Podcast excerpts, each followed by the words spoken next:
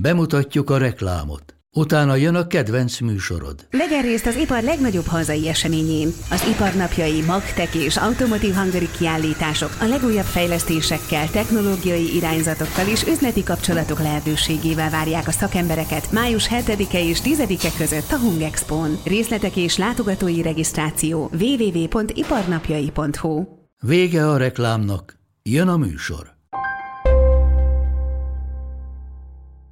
Sok szeretettel köszöntjük a hallgatókat. Ez itt az Index Sportcast című műsora, és ezen belül is egy különleges, külön kiadással készültünk, egy kóprodukcióval, ugyanis én Hercsel Adél vagyok az Index politika rovatának újságírója, és a mai műsorvezető kérdezőtársam pedig Palotai Barnabás lesz a sport rovatból. Ugye ezekben a műsorokban főként az Index sport rovatának munkatársai fognak beszélgetni, de most egy olyan témát választottunk, amihez úgy éreztük, hogy össze kell rakni a kettőnk tudását és tapasztalatát. Bele is vágok, a téma a sport és a bántalmazás kapcsolata lesz, ugye sportpszichológiáról fogunk beszélgetni, és ezen belül jelöltük ki ezt a területet, és nagy szeretettel köszöntöm a vendégeinket, akikről azt kell tudni, hogy mindketten élsportolók voltak, ma pedig sportpszichológusként praktizálnak.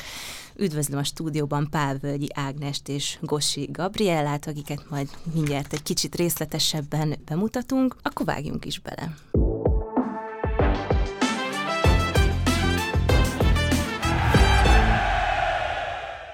Én is köszönöm a vendégeinket és a hallgatókat is. Üdvözlünk mi is mindenkit. Sziasztok! Ugye a témánk, ahogy Adél is mondta, a sport és a bántalmazásnak, a, hát beszéltünk arról, hogy kapcsolata, mert hogy uh, még mindig része egyik a másiknak, és annak szeretnénk a végére járni leginkább, hogy ebből uh, mi a kiút, hogyan lehet forradalmasítani a sportot és bántalmazás mentessé tenni. Ugye most a közelmúltban több hasonló ügy is terítékre került, főleg az úszásban. Szilágyi Liliáné az, ami most a legnagyobb port kavarta, és legutóbb, úgyhogy én arra gondoltam, hogy egy kicsit feleleveníthetnénk azt a dolgot, hogy ott uh, mi történt. Ugye, ha jól tudom, akkor ti dolgoztok is Liliánával, illetve hát kapcsolatban vagytok vele, úgyhogy én arra kérnek titeket, hogy akkor erről meséltek egy kicsit a, az egésznek a kontextusával, és hogy Liliánával hogyan kerültetek kapcsolatba. Én az egyéni terapeutája vagyok Liliánának, és nyilván a titoktartás kötelezés, tehát hogy azt gondolom, hogy talán annyit érdemes vagy fontos tudni, hogy, hogy több éves pszichoterápiás munkakapcsolatban vagyunk, és azt gondolom, hogy, hogy az ő életútja és az a fajta megküzdés, amivel, amivel rendelkezik ma, egy hatalmas lélektani munkát vitt véghez az elmúlt időben. Úgyhogy szerintem ez egy nagyon fontos példaértékű ahhoz, hogy, hogy bárkivel bármi megtörténik az életbe, mindig van kiút, de hogy az sosem egyszerű, és mindig munkával jár, önismerettel, és egyfajta alázattal önmaga és a környezete iránt. Szóval, hogy pszichológusként azt gondolom, hogy azt tudjuk mondani, mert hogy nyilván nem csak a sportban, hanem ez szinte minden emberrel történnek olyan ö, helyzetek, amivel fontos szembenéznie, fontos megküzdenie, hogy ne az elakadásaink határozzák meg az életünket, és az, hogy az ember ezzel mer szembenézni, és beleállni egy önismereti munkába, az tényleg mindig fejlődést és kiutat fog hozni egy idő után. Én tulajdonképpen Gabin keresztül vagyok kapcsolatban Liliánával, ugye ő az egyéni terapeutája, és hát egy egyesület, amit alap alapítottunk most nem régiben. Az Egyesületünk célkitűzéseivel tulajdonképpen Liliana egyéni célkitűzései is összhangban vannak, és hát mivel Gabi az Egyesületnek az elnöke, így rajta keresztül, vagy vele együtt próbálunk összekapcsolódni, hogy hogyan tudunk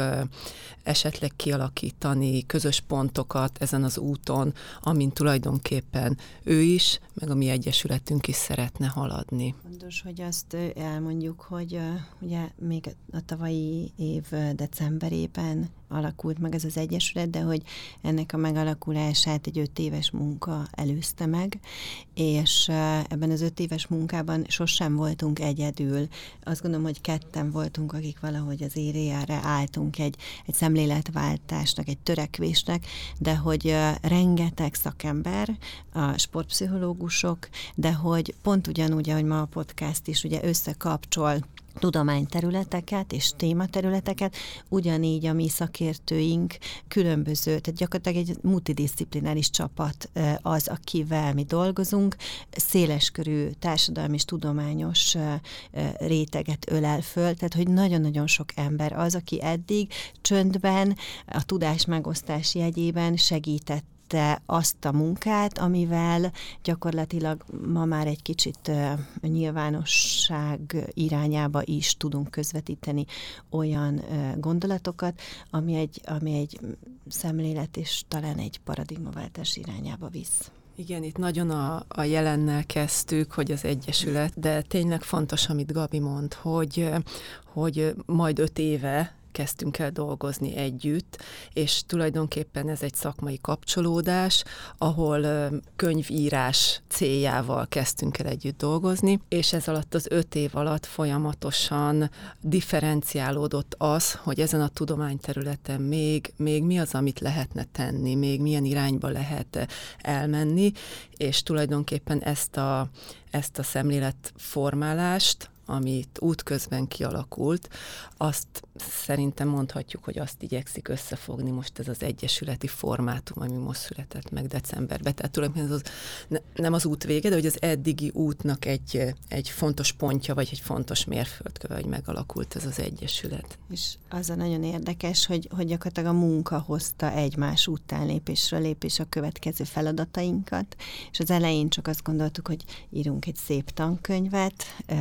segítve a kollégáinkat, meg akár magunkat is, aztán rájött rájöttünk arra, hogy, hogy valójában sokkal szélesebb körű tudásra van szükség nem csak nekünk sportpszichológusoknak, hanem azt gondoljuk, mint volt élsportoló, meg sportoló szülők, gyerekeknek a szülei, de akár, mint pedagógus, például testnevelő tanárként azt is tudom, hogy, hogy a sportszakembereknek, edzőknek, testnevelő tanároknak rengeteg információra lenne szükségük ahhoz, hogy, valami, hogy ezeket a dolgokat jól csinálják, és akkor rájöttünk arra, hogy nem elég egy könyvet írni, e, egymást hozták a témák, földúsult, és ma már ott járunk, hogy évente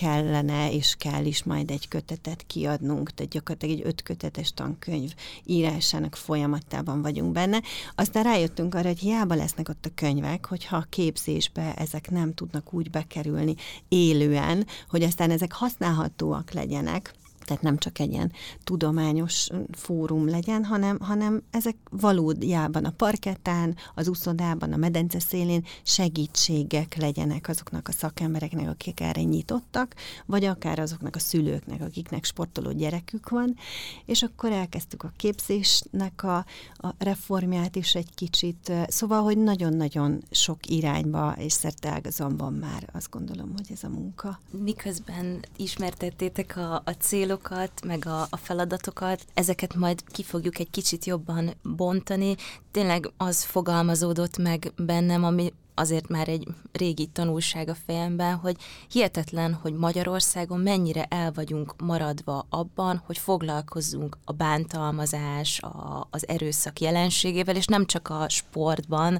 hanem az élet minden területén, mert ez sajnos jelen van a családban, a munkahelyeken, az iskolákban, bármilyen emberi ö, közösségben, és hogy amikor én ezzel a témával elkezdtem foglalkozni, hogy ez a Weinstein ügy is a MeToo botrány volt, és én akkor csodálkoztam rá arra, hogy mennyire kevés az általános szakirodalom. Nyilván vannak fantasztikus művek, amik nagyon jól le vannak fordítva, de hogy például nem találtam olyan szakirodalmat, hogy maguk az áldozatok mesélnék el a saját történetüket, és aztán végül ezt a könyvet én meg is csináltam, és aztán most tényleg, ahogy beszéltetek, tényleg újabb, egyik döbbenetből estem a másikba, hogy a sport területén, ahol hát hihetetlenül fontos az, hogy ugye a sporttól úgymond fejben erős legyen, meg hogy ugye Barnával itt már korábban beszélgettünk a témáról, hogy ugye majd ezt nyilván ő is kifejti, hogy, hogy ennek mekkora szerepe van, hogy ugye most már nem feltétlenül a fizikai különbségek, hogy ennek a fizikai része fog dönteni, hanem az, hogy ki mennyire erős mentálisan. Szóval csak, hogy azt a kérdést akarom kihozni ebből az egészből, hogy miért vagyunk ennyire lemaradva, vagy egyáltalán ez lemaradásnak tekinthető? Én nem vagyok biztos abban, hogy le vagyunk maradva. Egyszerűen arról van szó, hogy a bántalmazásnak a, a témája az egy nagyon nehéz téma, és számos olyan pszichodinamikai tényező húzódik meg e területen, ami afelé hat, hogy megakadályozza azt, hogy erről bárhogyan lehessen beszélni, vagy hogy ezt fel lehessen vállalni, vagy hogy egyáltalán lehessen bármit tenni ez ügybe. Ugye ez egy bántalmazással kapcsolatos elmélet szerint azt mondjuk, hogy egy ilyen bántalmazást bántalmazásos helyzetben három szereplő van, három fő szereplő, ugye a tettes, az áldozat és a szemlélő. És az, hogy mennyire nem lehet erről beszélni, vagy nem, mennyire nem tudunk ezzel mit kezdeni, azt nagyon jól mutatja az, hogy milyen kevés az a helyzet, amikor a szemlélő, a tanú, aki ott van, mint egy lehetséges segítő, és ott lenne a felelőssége, hogy segítsen is egy ilyen helyzetbe, nem segít. Ugye klasszikus példa, amikor este lent a parkolóban valaki sikít segítségért, akkor biztos, hogy nem egy ember, hanem legalább tíz lakásból kinéznek a függöny mögül, hogy mi is történik, mert hát automatikusan kinéz az ember, mert kíváncsiak vagyunk. Ugye ez egy emberi jellemző, és akkor legalább kilencen, de lehet, hogy tizen visszahúzzák a függönyt, és igaziból nem segít senki. És ez is mutatja azt, hogy mennyire nem, nem tudunk mit kezdeni a helyzettel, akár azért, mert nem tanulunk róla, nincsen szakirodalom, de azért is, mert olyan érzelmi állapotok alakulnak ilyenkor, amik meggátolják azt, hogy hogy segítséget nyújtsunk, hogy belelépjünk ebbe a helyzetbe. Félünk, hogy belekeveredünk, hogy ezzel milyen macera jár, hogy egyáltalán van-e jogunk beleszólni abba, hogy mi történik a, a másikkal, hogy mondjuk egy szülő miért kiabál a gyerekkel az utcán. Van-e, van-e jogunk akár bírálni őt, vagy, vagy ebbe beleavatkozni. Tényleg nem lemaradásról van szó, hanem egy ősztársadalmi, de egyébként világszinten is egy mostani érzékenyülésről. És a bántalmazásnak a szakirodalma leírja azt, hogy egyébként például nagyon nehéz volt jogszabályba foglalni azt, hogy mi a bántalmazás egyáltalán kulturálisan is voltak különbözőségek. Tehát mire a WHO is egy egységes definíciót alkotott, az is igazából néhány éve van meg, mint keretrendszer. Tehát, hogy ennyire hogy mondjam, kúrens ez a téma, hogy a felszínen. Pont ahogy az Ági elmondta, az, hogy elkezdtünk társadalmilag, mint szemlélő foglalkozni ezzel a témával, ami nyilván nem tegnap kezdődött, hanem ez nagyon-nagyon régről gyökerezik, de az, hogy ma már merünk szembenézni ezekkel a helyzetekkel, az jelzi azt, hogy, hogy egy általános érzékenyítés, érzékenyülése van az embereknek, a társadalmaknak, és az, hogy például ez a sportban hogyan van, arra nagyon jó adat az, hogy 2018-ban volt egy, egy sportminiszteri, nemzetközi sportminiszteri találkozó, ahol először beszéltek a gyermekvédelemnek és a sportnak és a bántalmazó helyzeteknek egyáltalán a, a lehetőségeiről, hogyan kell a gyerekeinket megvédeni a sportszektorban, és például 2017. január 1-től van érvényben Magyarországon is a sporttörvény törvényben az, hogy minden szak, nem egyesületnek, hanem szakszövetségnek kötelessége gyerekvédelmi programot indítani, illetve olyan fajta attitűdöt felállítani egy, szab, egy, egy, egy, egy etikai kódexben, amit elvárnak például az edzőktől, a sportszakemberektől, tehát az egész szervezetnek milyen az a szemlélette, mentalitása, hozzáállása, amit egy etikai kódexben kell rögzíteni. Tehát, hogy, hogy ez, ez, ez most alakul, és azért is nagyon fontos szerintem, hogy erről ma itt tudunk beszélgetni, mert hogy, mert hogy fontos az, hogy ismerjük ezeket a dolgokat, hogy értsük a folyamatokat, mert akkor tudunk egyéni szinten is szemlélőként jól beleállni egy helyzetbe, vagy segíteni, illetve szakemberként, vagy akár jogalkotóként, vagy egy, egy sportszervezetnek a vezetőiként meghatározni azokat az irányokat, hogy mit engedünk, vagy mit nem engedünk. Még mielőtt tovább mennénk, és egy kicsit kibontanánk jobban, hogy ez mit jelent, amiről most szó volt, mindenképpen közérdekű információnak tartom megjegyezni ezen a ponton, hogy ugye van az úgynevezett szűken és a tágan értelmezett jelzőrendszer, és ugye hivatalosan a szűken vett jelzőrendszerhez tartoznak ugye azok, akik közvetlenül találkoznak a gyermekkel, például pedagógus, és akkor soroljuk ide az edzőt is, és illetve a gyermekorvos, orvos, védőnő, családsegítő, tehát hogy akik ebbe a szűk körbe tartoznak, és ugye nekik jelentési kötelezettségük van, hogyha bármi olyat tapasztalnak, ami bántalmazásra utalhat, vagy ha nekik valami rossz érzésük van. És ugye itt jön a képbe az, hogy a tágan vett jelzőrendszer tagjai vagyunk, mindannyian a társadalomban, tehát hogyha valaki sikít a parkolóban, vagy tényleg látjuk, hogy egy gyerekkel mondjuk üvöltöznek a szülei vagy bántják, akkor nekünk is ugyanúgy elméletileg kötelezettségünk bejelenteni ezt a területileg illetékes gyámhivatal, családsegítő, tehát hogy erre megvannak a megfelelő formok, vagy hát rendőrség, tehát hogy én erre buzdítanék mindenkit, hogyha bármi ilyesmit tapasztal, akkor, akkor igenis avatkozzon be, és nekem már volt ilyen, hogy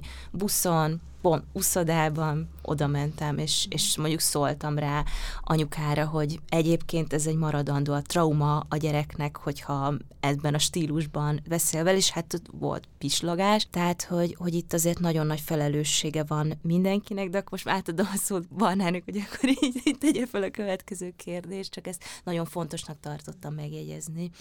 Mindenképp, mert ezzel szerintem egyébként nagyon kevesen vannak tisztában, hogy kinek, sőt, gyakorlatilag mindenkinek a felelőssége ez valamennyire.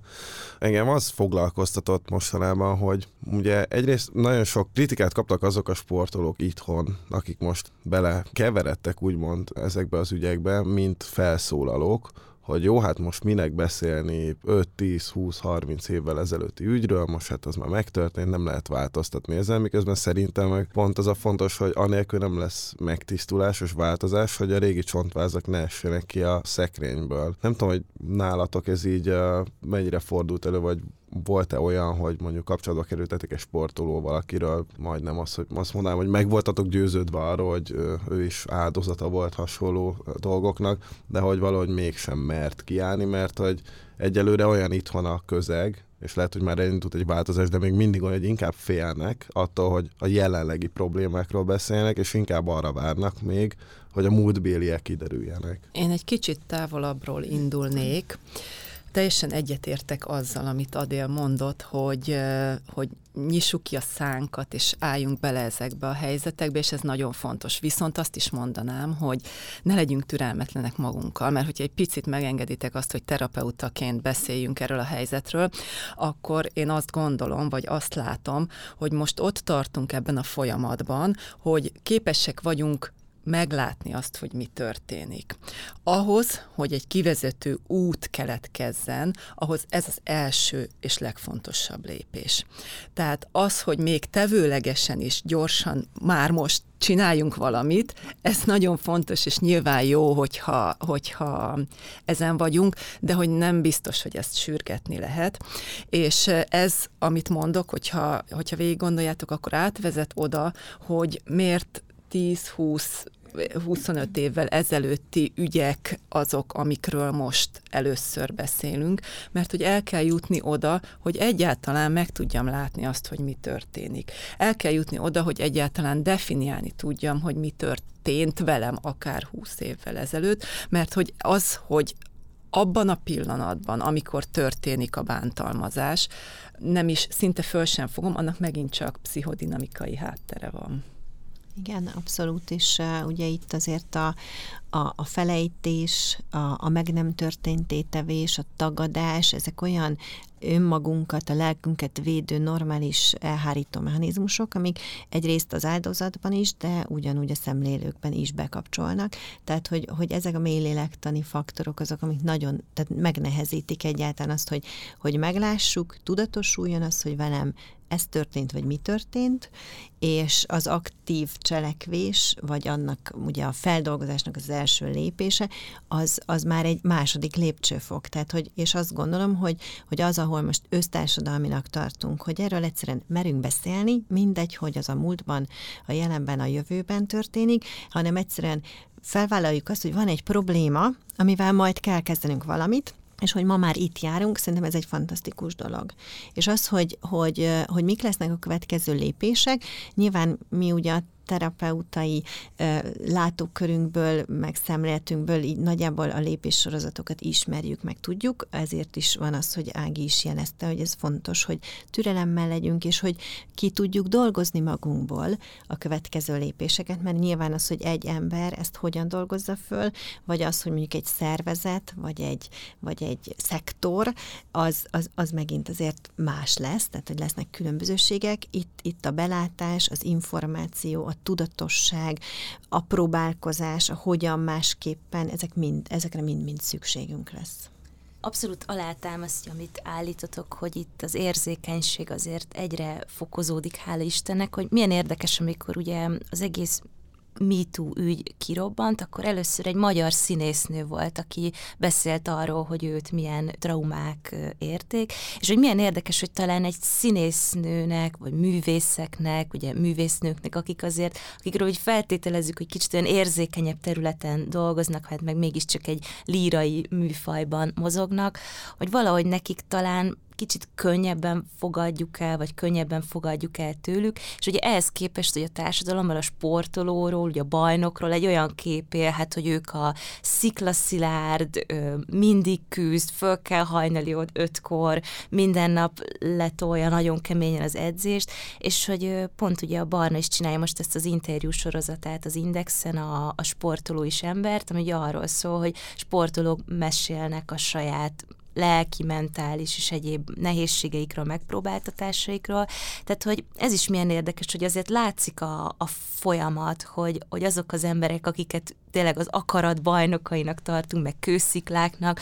akiknek biztos nincsen semmilyen lelki nehézsége, vagy ők is szépen elkezdenek megnyílni, és a társadalom is azért szép lassan elkezd befogadóvá válni az ő problémáikra. Itt ugye a, ez a másik dolog, ami megerősít Barnának a feltevését, hogy, hogy nem véletlenül nem a jelenről kezdenek még beszélni, hiszen amikor önmagát az erősnek és az akarat bajnokának, hiszen ők ezt tényleg nap mint nap megélik. Azt gondolom beszéltünk a magunk nevébe is, mert a tizenévnyi élsportolói múlt, az, tehát hogy van, van az emberben egy olyan én rész, ami ezt nagyon tudja. Na most össze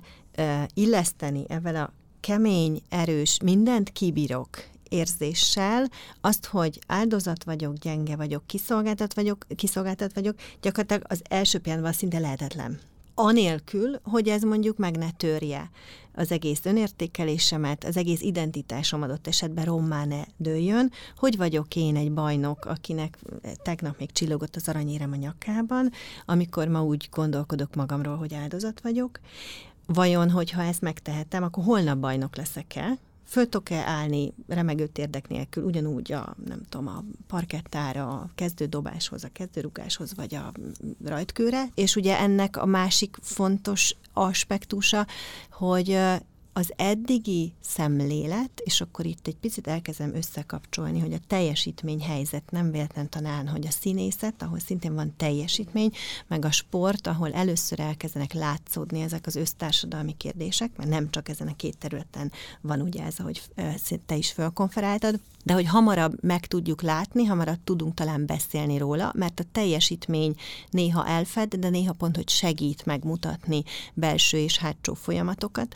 és hogy az eddigi szemléletbe, és azért ezt is hányszor hallottuk, hogy valahogy egy ilyen hiedelem, és ezt szeretném ezt a szót kihangsúlyozni, hogy a hiedelem az nem valóság, hanem mi gondoljuk azt, hogy ez így oké, okay, meg ez így van. Tehát, hogy van egy olyan hiedelem, talán mind a mai napig, hogy az agressziónak ez a mértéke, és majd szerintem erről is fontos beszélni, hogy különítsük el, hogy mi az a normális agresszió és erőszak, ami része a sportnak, és továbbra is része kell, hogy legyen a sportnak, és honnan kezdődik a bántalmazás, de hogy valójában ugye ennek a határnak a nem ismerete, illetve ez a hiedelem, hogy ahhoz, hogy bajnok legyél, kell, hogy szenvedj, kell, hogy eltűrd akár még a bántalmazást is, és hogy ez az a másik, ami miatt a jelzőrendszer, vagy esetleg maga a sportoló még nem tud ott tartani, hogy a jelenlegi helyzeteiről esetleg beszámoljon, vagy beszéljen. Említetted a határokat, hogy egyáltalán hol kezdődik a bántalmazás az élsportban, mert ugye általánosságban azt tudjuk a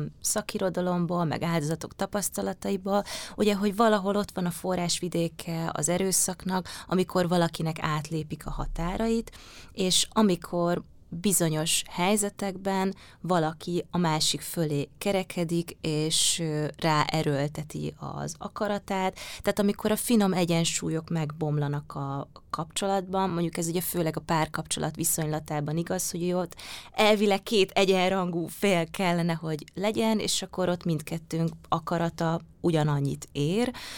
és nem nyomjuk el a másikat, és hát ugye azt is tudjuk általánosságban a bántalmazásról, hogy ugye valaki azért válik bántalmazóvá, mert bántalmazónak lenni alapvetően egy elég kényelmes pozíció, hiszen ha én rá erőltetem a másikra az agresszióm által, vagy a manipulációm által az akaratomat, akkor ő úgy fog táncolni, hogy én fütyülök, és akkor nem kell kompromisszumokkal foglalkozni, meg ilyen bonyolult, fárasztó ö, folyamatokkal, de hogy ezen belül a kontextuson belül a sportnál hol húzhatjuk meg ezeket a finom határvonalakat, főleg azok után, hogy ennek a műfajnak azért a fájdalom, meg egy bizonyos fokú szenvedés, hát elemi része. Nem gondolom, hogy a sportban máshol kellene meghúzni a határokat, mivel a sportoló is ember.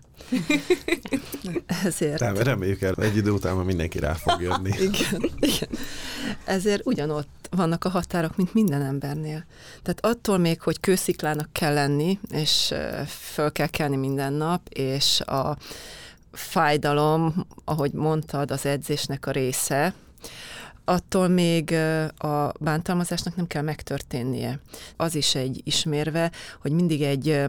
egy hatalmi pozícióból vagy erőfölényből elkövetett rendszeres tetről van szó. Ugye itt az erőfölény az nem feltétlenül csak, csak fizikai erőfölény, hanem mondjuk egy, egy iskolai helyzetben ugye több diák egy diák ellen. És hogy ez rendszeres. Tehát, hogy ilyen szempontból én ezt a rövid választ tudom adni, hogy, hogy nincs máshol a határ a sportban sem. Maximum a sportnak a keretrendszere az olyan, vagy a jellemzői olyanok, amik miatt, mivel hogy a sportban ugye a határokat ki kell tolni ahhoz, hogy én fejlődni tudjak, ezért könnyebben belecsúszik a helyzet abba, hogy bántalmazóvá váljon, vagyis észrevétlenebbül belecsúszik a helyzet abba, hogy bántalmazóvá váljon, és hát van az a hiedelem, hogy szenvedni kell, akkor abba belefér az is, hogy mondjuk bántalmazva legyen valaki. De hogy ez egy összecsúszás, ezt így szét kell tudni választani és differenciálni azt, hogy, hogy mit teszek meg azért, hogy fejlődjek, mennyire tolom ki a saját határaimat a fejlődés érdekében, vagy pedig mennyire préselik ki belőlem azt, ami már nem az én határom, a fejlődés érdekében, ami viszont egy célszentesíti az eszközt vonal,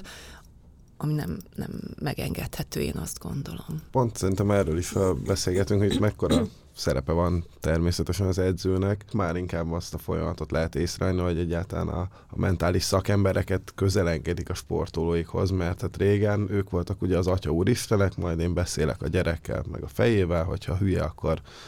én tudom a megoldás, hogy miért az. Most már hál' Istennek, ha jól látom én így kívülről, akkor ez egyrészt változik. Másrészt meg engem az érdekelne, hogy most már attól tartanak, én beszélgettem néhányal, hogy ennek a vége egy ilyen túlérzékenyülés lesz, és uh, muszáj lennie egy valamilyen hierarchikus kapcsolatnak az edző és a tanítványa között, tehát egy tekintének meg kell maradnia valahogy, hogy azt azok után, hogyha mondjuk ennek a folyamatnak nem is a végére, de mondjuk haladunk ebben a folyamatban, mégiscsak megmaradjon az edzőnek valamennyire a tekintély, mert én úgy gondolom, hogy kell, hogy legyen. Mert az, hogyha tehát még ha mellérendeltségi kapcsolat, még szerintem az is működhet edzős tanítvány között, de amikor már a tanítvány érzi, hogy itt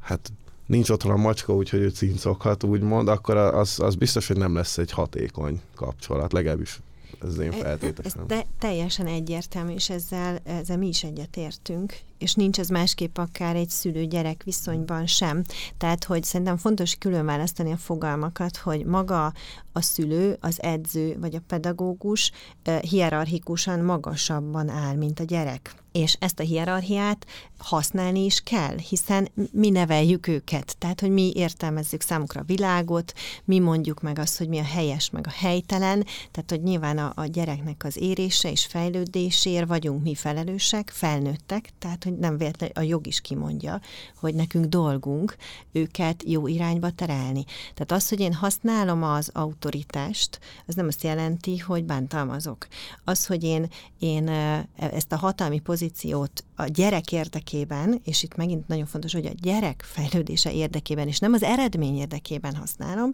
itt megint itt vannak azok az apró elcsúszási lehetőségek, ami mentén meg tudok maradni jó nevelőnek, és segítem az ő útját kibontakozni, még akkor is, hogyha a határfeszegetésben néha keménynek is kell lenni, vagy visszaélek a hatalmi helyzetemmel, és egyszerűen egy impulzuskontroll zavar alapú, vagy a saját agressziómmal nem tudok mit kezdeni, vagy én akarok nyerni, mert az akár nekem edzőként, vagy szülőként, amikor egy gyerekem a pályán teljesít, akkor én vagyok az, aki átélem ezeknek a, a pozitív élményeit, akkor ugye látjuk is, hogy rögtön megfordul ennek a története, és ez nem a gyerek érdekeit szolgálja egyáltalán, hanem a felnőttét és az autoritásét. Tehát igazából szerintem ez a lényeg, és talán nem véletlen, hogy a sportban kezdünk el először egyfajta kivezető utat keresni. Pontosan azért, mert a sport arról szól, hogy látszik a teljesítmény. Tehát, hogyha túlérzékenyülök, akkor ugyanúgy nem lesznek eredmények, amiről szól a sport. És ugyanúgy nem lesz fejlődés sem. Egy szülőgyerek viszonylatban se, ha mindent megengedünk a gyereknek, ha ki vannak vattázva, hogyha nincsenek feladataik, hogyha csak hagyjuk, hogy egész nap a számítógép előtt üljenek, akkor nem lesz belőlük érett felnőtt, aki képes felelősség teljesen ellátni majd a munkakörét, saját családot alapítani, konfliktusokat kezelni, tehát hogy nem tanítjuk meg az életre. Tehát attól, hogy kikönnyítjük őket, az nem megoldás a nagy túlérzékenyülésben, hanem egy arany középutat kell találni, és a sport abban segít, és azért gondoljuk Ágival és az Egyesületnek a szemlélete nem véletlenül koncentrál a sportra, mert hogy a sportban az a fajta személyiségfejlődés, amiről most itt beszélgettünk, legyen az gyerek vagy, vagy, vagy felnőtt, nagyon hamar látszik az eredménye. Pontosan azért, mert hétről hétre mérkőzések vannak, vagy egy színész világban hétről hétre fellépések vannak, vagy akár ugye a zenevilágában, tehát ahol a teljesítmény látszik, mint professzió, ott a személyiség fejlődésnek az eredménye nagyon hamar megsegíti a teljesítmény növekedést. És ugyanígy, hogyha valami a személyiségben elakad, akkor ez teljesítményromlásba fog azonnal látszódni. Itt térnék ki a másik fogalomra, hogy attól, hogy az edző, aki használja az autoritást és szabályokat és kereteket ad a gyereknek a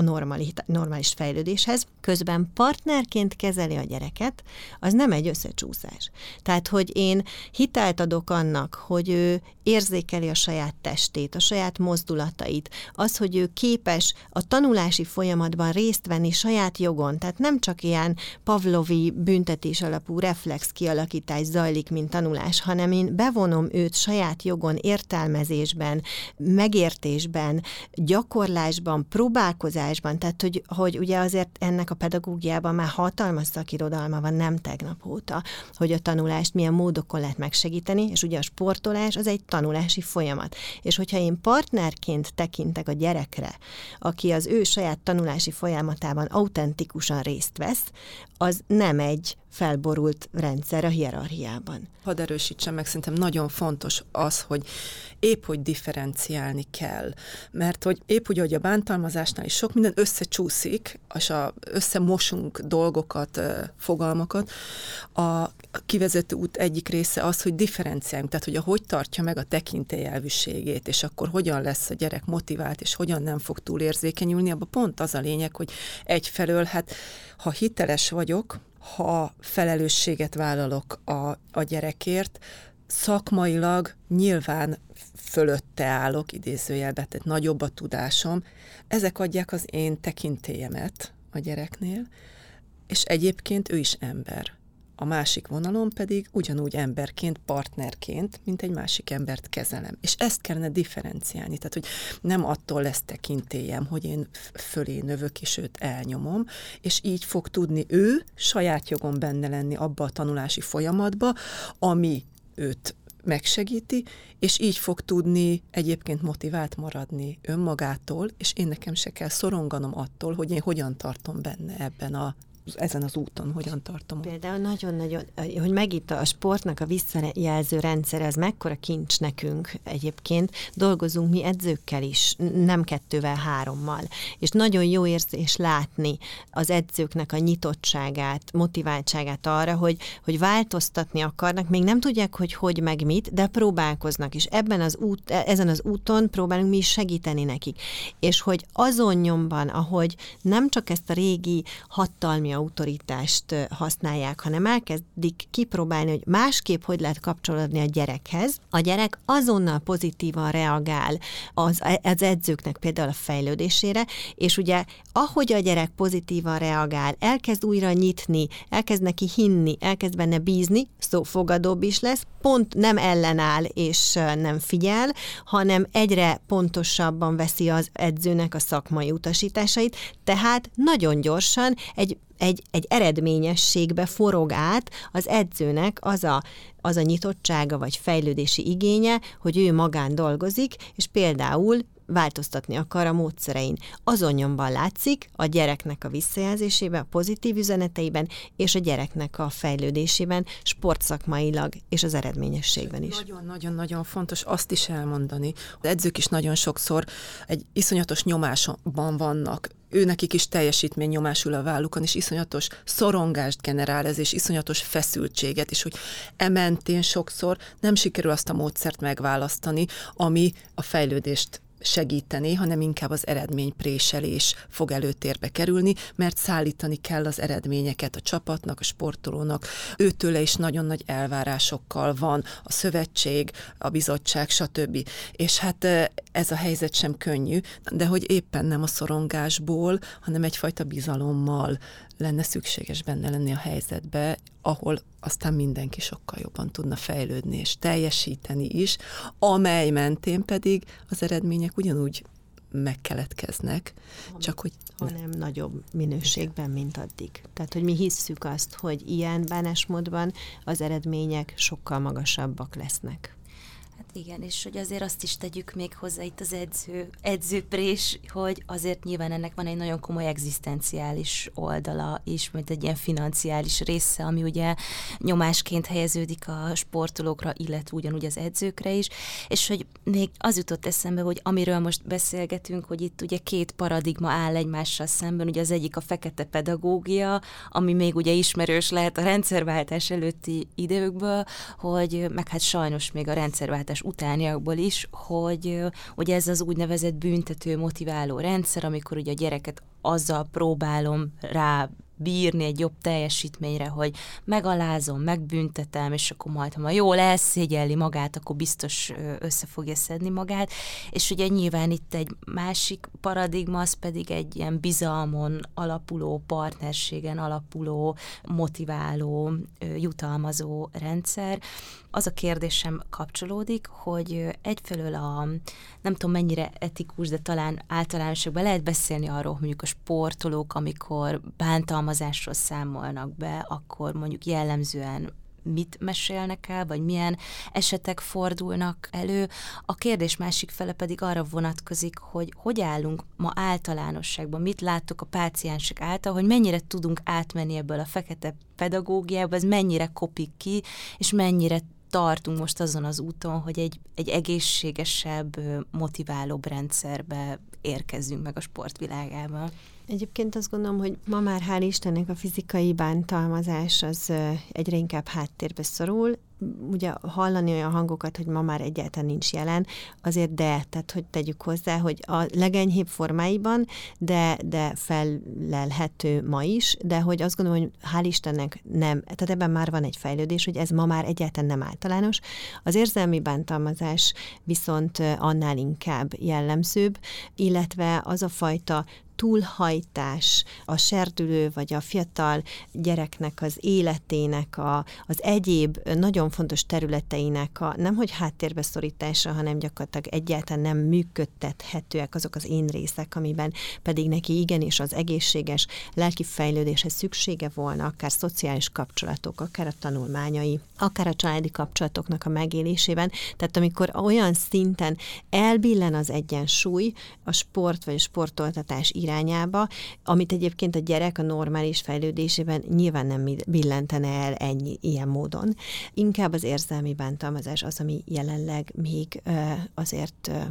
és megint csak azt mondom, hogy nem csak a sportban, tehát ugyanúgy az iskolákban is jelen van, vagy akár a munkahelyeken is. Picit, hogyha hétköznapi példát lehet idehozni, hogy mondjuk abban a serdülőkorban, amikor egyébként is személyiségfejlődés szempontjából nagyon sok dolga van egy, egy gyereknek, még ott van az, hogy ő több korosztályba játszik, mert tehetséges, nagyon kell nyomni az edzéseket, nincsen pihenő ideje, akkor ez egy iszonyatosan nagy, nagy egyensúlybillenés, és mondjuk talán mondhatjuk azt, hogy szinte olyan, mint egy kizsákmányolás. Tehát minden szinten kizsákmányolódik az a gyerek. Fizikailag is, és lelkileg is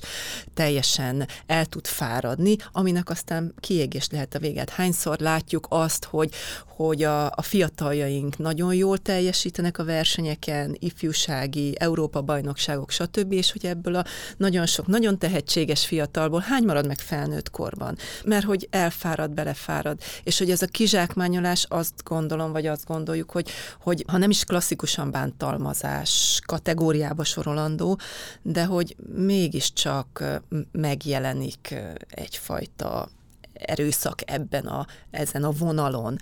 Így módon azt mondhatjuk, hogy nem, nem szűnik me, meg, csak átalakul egészen addig, amíg tényleg nagyon alaposan a szemléletet nem sikerül megváltoztatni, új más módszertant nem sikerül elsajátítatni és elsajátítani, ebben benne fogunk maradni. Ma már azért pontosan az eredmény mentén a statisztikák, meg a, a, a, a, helyzetek mutatják azt, hogy, hogy, hogy ennek a szemléletnek van egy korlátja.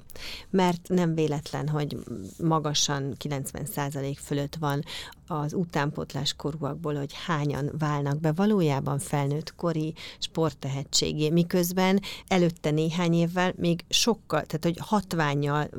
több, több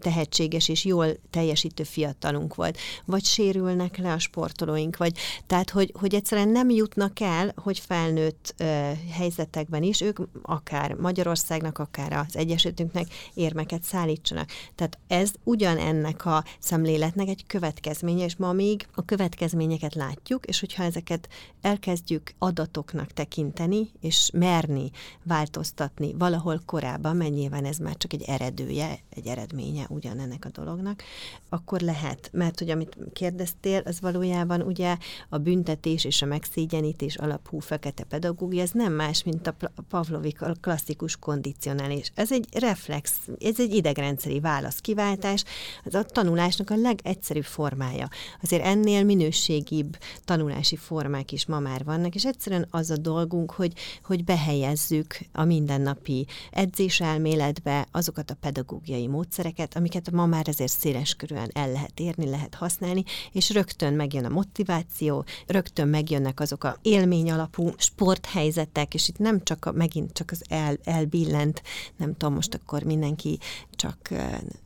játszani akar jönni. Tehát, hogy, hogy van ennek egy, egy nagyon szép egyensúlya, és ezt a gyerekek is tudják. És akkor, amikor én jó minőségű, hiteles edzőként vagyok jelen, egy pillanat alatt, ha elmagyarázom a fiatalnak, hogy most miért kell nagyon kemény fizikális teljesítményt, amit egyébként unalmas, mert nem tudom, hány kilométert kell úszni vagy futni, amit egyik gyerek sem szeretne, inkább labdázna, de amikor az edző elmagyarázza, hogy erre miért van szükség, a gyerek egy pillanat alatt beleáll, és olyan szinten teljesít magából, hiszen saját jogon akar jobb lenni, saját jogon akar képessé válni valamire, ami az ő saját célja, tehát egy pillanat alatt sokkal hatékonyabbá is válik a gyereknek a működése a sportpályán. Az történik, hogy ő olyan dolgokat tanul, amivel a felnőtt életben meg fogja tudni állni a helyét, mert hát mit csinálunk legtöbben? Bemegyünk a munkába, megcsinálunk nagyon sok olyan dolgot, amihez akár nincs is kedvünk,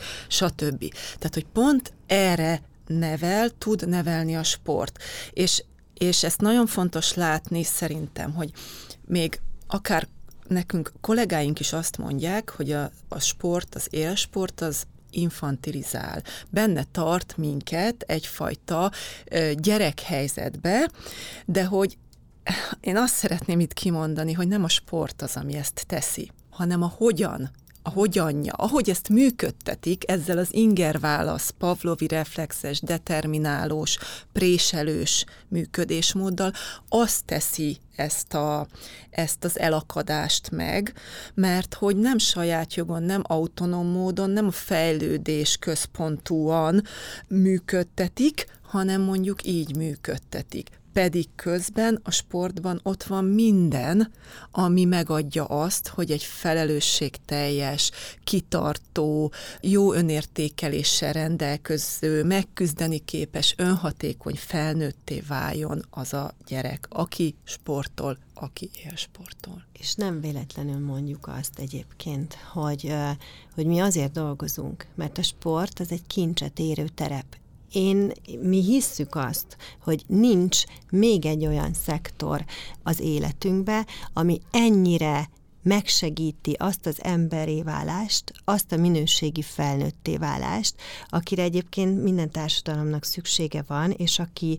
aki ezeket a emberi méltóságok szerint tud élni, és másokat is segíteni, vagy a következő generációt felnevelni, pontosan azért, mert a sport olyan kereteket biztosít, és olyan gyors visszajelző rendszert ad, hogy ezt a fejlődést nagyon szépen tudja, az önismeret útját nagyon szépen tudja ez a keretrendszer segíteni. És hogyha az életpéldákból veszünk, akkor nézzük meg, hogy hány olyan sportoló fiatalunk van, akik akár a családi környezetük, akár mert egy jó sportnevelő légkörbe kerülnek, ahol nem préselősen, hanem megadva azt a türelmet a fejlődéshez, tényleg kinevelik őket élsportolóká akár, vagy lehet, hogy nem élsportolóvá, de egész felnőtt koráig sportolni fog,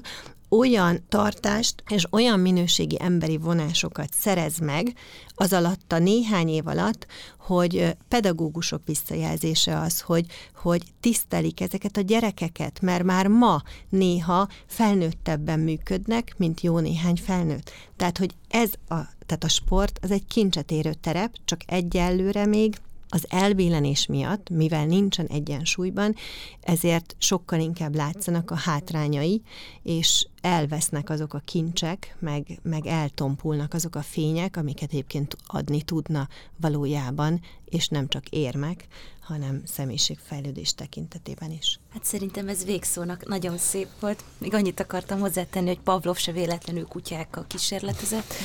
Öm, és öm, hát nagyon szépen köszönjük a vendégeinknek, Gosi Gabriellának és Pálvölgyi Ágnesnek,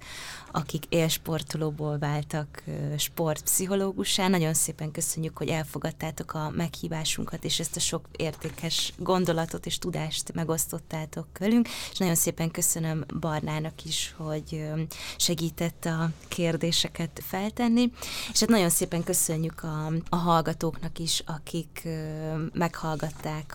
az adást. Még annyi technikai információ, hogy az Index Sportcast elérhető az iTunes-on és a Spotify-on, és legközelebb is tartsanak velünk. Köszönjük szépen! Köszönjük szépen, Köszönjük, Köszönjük a lehetőséget. Szépen.